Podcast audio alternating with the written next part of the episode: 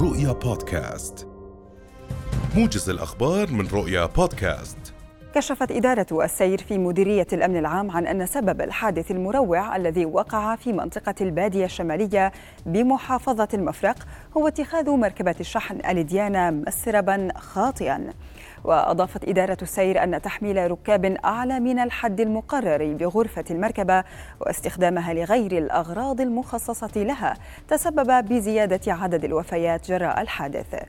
وكان تسعة أشخاص لقوا حتفهم وأصيب 12 آخرون بكسور وجروح وردود مختلفة في الجسم جراء حادث التصادم الذي وقع بين مركبتين في البادية الشمالية يوم أمس. حذر رئيس غرفتي تجارة الأردن وعمان خليل الحاج توفيق أعضاء الغرفتين من الاتصالات عبر تقنية الفيديو أو الإنترنت لإجراء عمليات تجارية أو مالية مع مختلف الدول خصوصا جمهورية الصين الشعبية. وقال الحاج توفيق لرؤيا اليوم إنه يتم التنسيق مع الأمن السبراني في ظل التطورات التكنولوجية المتسارعة وظهور تقنيات الذكاء الاصطناعي التي قد توقع اشخاصا كضحايا الاحتيال.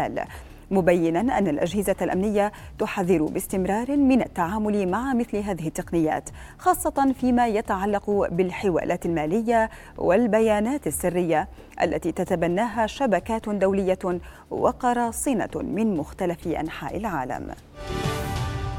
قال مدير عام اتحاد المزارعين الأردنيين محمود العوران إن منتج البطيخ الأردني آمن مؤكدا أن البطيخ يخضع للرقابة المستمرة من قبل وزارة الزراعة للتأكد من مأمونيته وجودته. وأضاف لرؤيا اليوم أن هناك حالات فردية تعرضت للإعياء بعد تناول البطيخ منوها إلى أن ذلك لا يعني أن البطيخ غير صالح للاستهلاك. فمن الممكن أن يكون قد تعرض للفيروسات بسبب الأحوال الجوية التي سادت الأردن الفترة الماضية وشهدت انتشار الغبار الكثيف. ودعا العوران نشطاء مواقع التواصل الاجتماعي إلى عدم تداول أخبار مغلوطة واستقاء المعلومة من مصدرها الأساسي تفاديا لإرباك المواطنين خصوصا فيما يتعلق بمسألة الغذاء. أجرت وزارة الأشغال العامة والإسكان تحويلات مرورية ضمن مشروع حافلات التردد السريع بين مدينتي عمان والزرقاء الحزمة الثانية.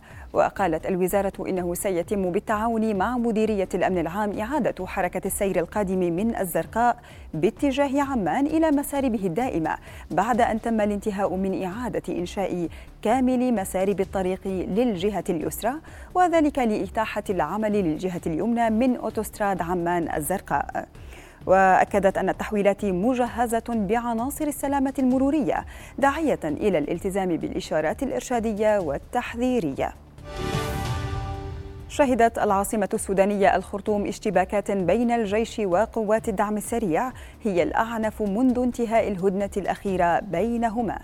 يأتي ذلك في وقت أكدت فيه الولايات المتحدة التزامها مع السعودية بمحادثة جدة والضغط من أجل التوصل إلى اتفاق والعمل على اتخاذ خطوات لبناء الثقة بين طرفي الصراع. ودعت كل من الرياض وواشنطن الجيش السوداني وقوات الدعم السريع إلى الاتفاق مجددا على وقف جديد فعال لإطلاق النار.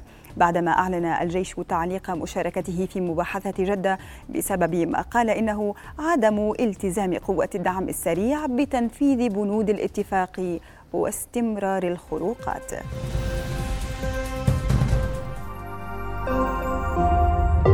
رؤيا بودكاست.